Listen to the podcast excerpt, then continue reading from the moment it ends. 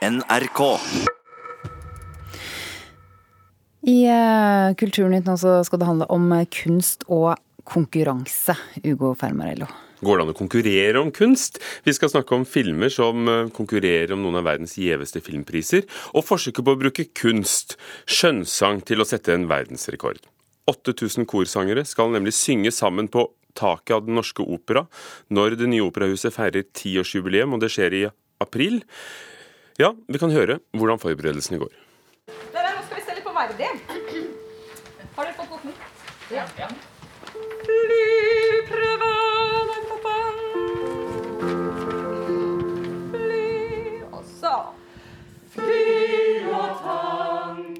Koret Post Canto øver seg på et verdensrekordforsøk. For første gang har de funnet frem notene til sangen 'Slavekoret'.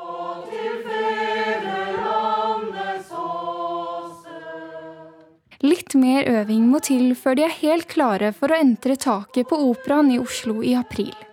Da er det nemlig ti år siden Operahuset i Bjørvika sto ferdig. Den gangen sang 450 av operaens korister og hjelpere slavekoret.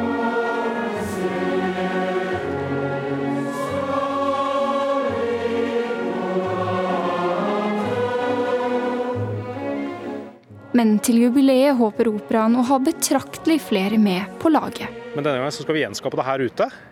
Og vi planlegger å samle 8500 eh, korsangere her på taket. Det sier kommunikasjonsdirektør ved Den norske opera og ballett, Kenneth Fredstid. Jeg håper det er litt mindre snø her også når den tiden kommer. Han går på et snødekt operatak. Om knappe to måneder håper han å se flere mennesker enn de om lag 20 turistene som er her i dag. Så det kommer til å være et folkehav her. Det er ikke så mye hvit marmor man ser, men du ser masse folk. Og så Ute i sjøen her så skal vi ha en svær storskjerm på båt eh, som er tosidig. Som gjør at man også kan se hvis man står på kaia her på andre siden. Og få med teksten og bli med å synge. Guinness rekordbok har sagt at de skal komme og se på. Men for å få verdensrekord må det først være nok påmeldte. Det tror Per Arthur Christensen, visepresident i Korforbundet, skal gå greit. Vi klarer å, å fylle taket. Det hadde jo vært helt supert. Eh, og eh, jeg er ikke, jeg er ikke i tvil om at eh, korsangere i Norge klarer oss å synge sånn at det høres nesten til Elverum eller kanskje til Hamar. Det vet vi ikke, men i hvert fall så skal det bli bra trøkk med 7500-8000 sangere. ja. Det er jeg helt sikker på. Ta litt fra staten starten igjen. Tilbake på korøvingen til Post Canto begynner sangen å falle på plass. Fly, og så Fly nå tanken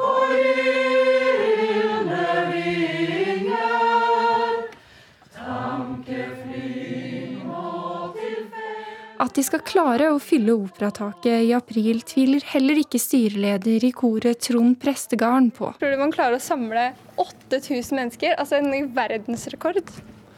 Ja, Nå er jeg optimistisk på NRK Norge, så det tror jeg. Men eh, det er en utfordring. Vi får satse på at det blir bra vær, bra vår. Så, så kommer folk.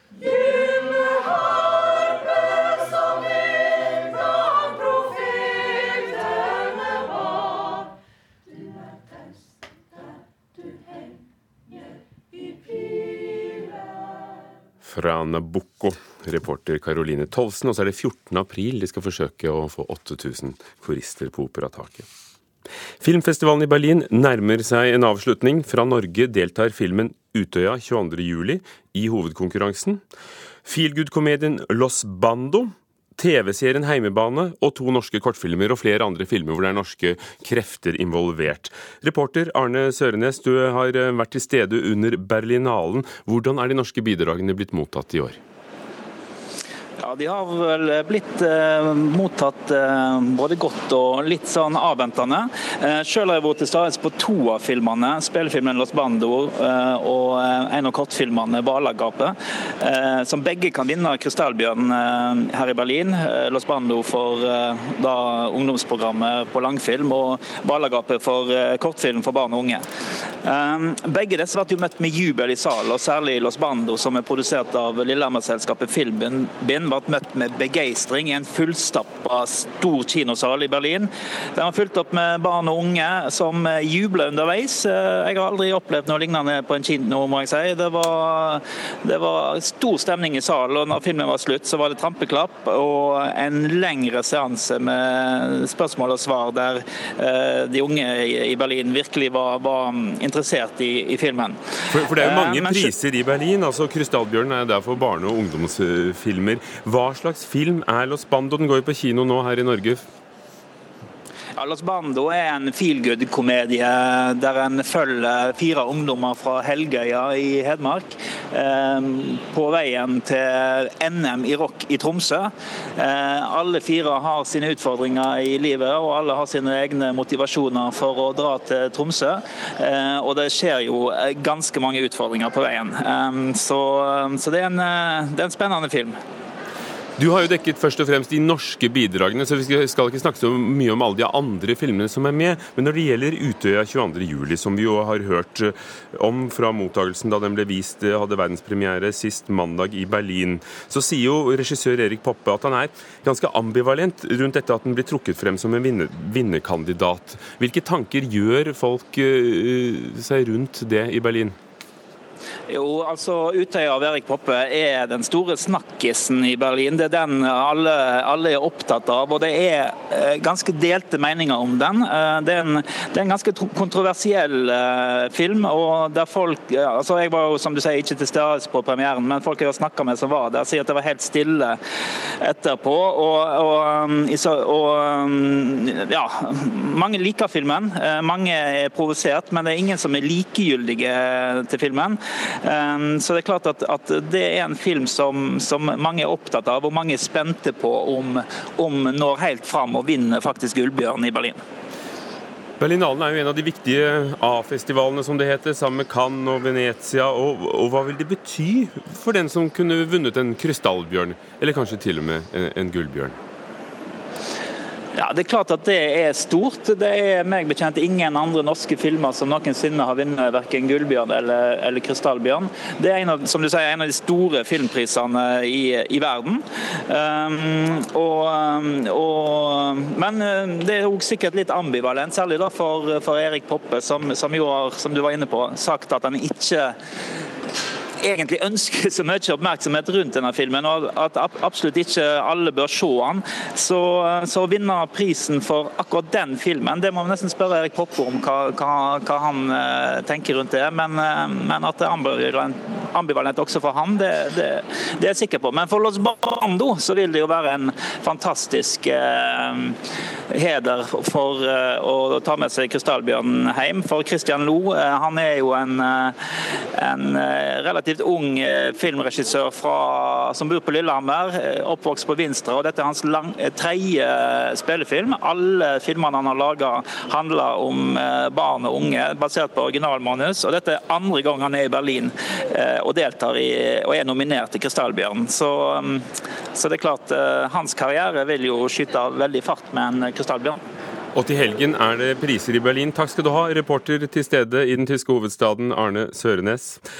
Det er jo filmdag, eh, fredager på norske kinoer med premierer, og en av dem som har premiere denne uken, er Norske byggeklosser. Eh, originalen er fra 1972. Rolf Wesenlund spiller mange av rollene. I den nye versjonen, inspirert originalen, så overgår Atle Antonsen Wesenlunds bedrifter. Vår kritiker Birger Vestmo har sett Norske byggeklosser. Filletanta di. Jeg arver huset hennes.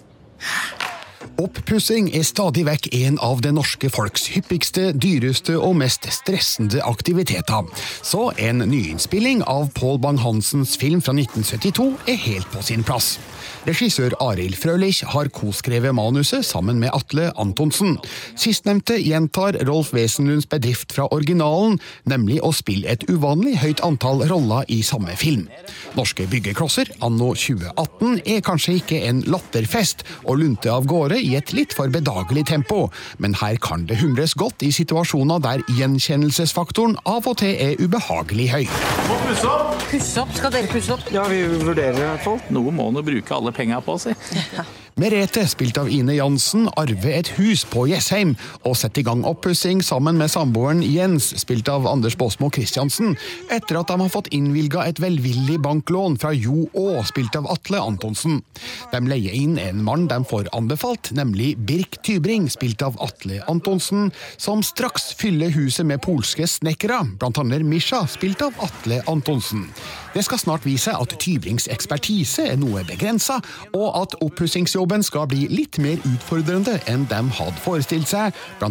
pga. den rike naboen Ståle Rivdal, spilt av Atle Antonsen, og den ivrige botanikeren Pål Granlund, spilt av Atle Antonsen.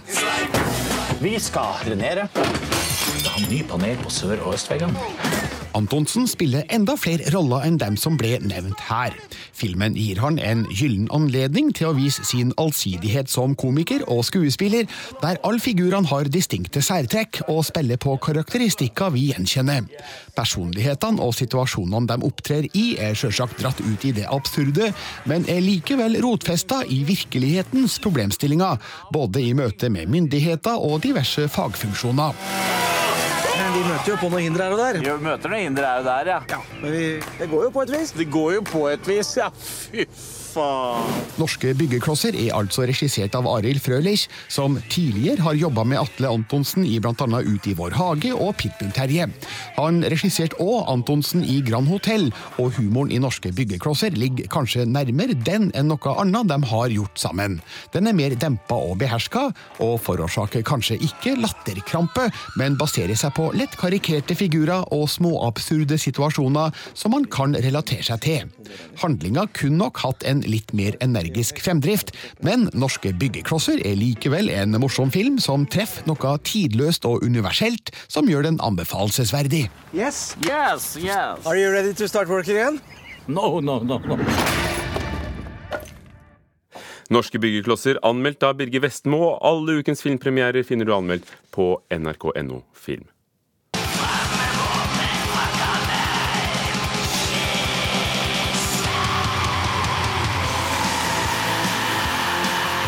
Hva er dette? Dette er eh, svartmetallbandet Tåke fra Bergen. De møter motstand før eh, den planlagte USA-turneen, og reporter Thomas Alverstein Ove, hva gjør de med det? Jo, det er trusler fra antifascistiske grupperinger som gjør at de nå trenger ekstra sikkerhetstiltak, skriver Dagbladet. Grupperinger som er kjent for å bruke vold mot det de mener er rasister og fascister, har den siste uken protestert kraftig mot tåketurneen i eh, sosiale medier. Det har ført til at to konsertsteder har avlyst. Oppvarmeren King Dude har trukket seg fra hele turneen. Og den amerikanske rapperen Taleb Kwali har, eh, har nekter å spille på en konsertscene som har valgt å ikke avlyse tåkekonserten. Saken den har skapt stor oppmerksomhet i flere medier i USA. Og også i Dagbladet og Nyhetsmorgen. Hvordan havnet Tåke, et, eh, et band fra Bergen, i dette bråket?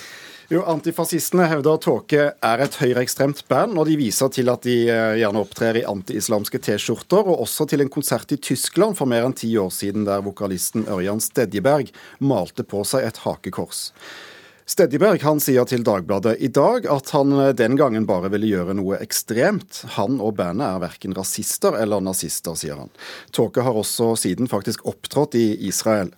Og Han har ingen problemer med å innrømme at de eh, gjerne viser avsky mot de eh, såkalte abrahamistiske religionene, dvs. Si jødedom, kristendom og islam, men legger til at han ikke er mot troende mennesker som individer. Det er religionene han prøver å kritisere. Og Apropos det med religioner, i et av de landene som har et, har et ganske kjølig forhold til religion fra statens side, er jo Frankrike. Men der er det også religion og anklagene om rasisme. Ja, det er det. For eh, fransk-syriske Menel Ibtissem var spådd å bli en av de store stjernene i årets eh, franske versjon av TV-programmet The Voice, som vi kjenner her i Norge fra TV 2. Men hun har klippet vekk fra flere utgaver av programmet som allerede er spilt inn, fordi det viser seg at hun har kommet med hatefulle angrep mot jøder og vist eh, sympati for terrorister. Bl.a. terroristen som kjørte inn i en folkemengde i NIS på nasjonaldagen for to år siden. Ironisk nok så var det tolkningen hennes av jødiske Leonard Cohens sang 'Halleluja' som først smeltet TV-seernes hjerter, men det var før nettaktiviteten ble oppdaget. Og det er Bergens Tidende som skriver over det, og det var den TV-karrieren. Takk skal du ha, Thomas Alverstein Ove. Det var Kulturnytt.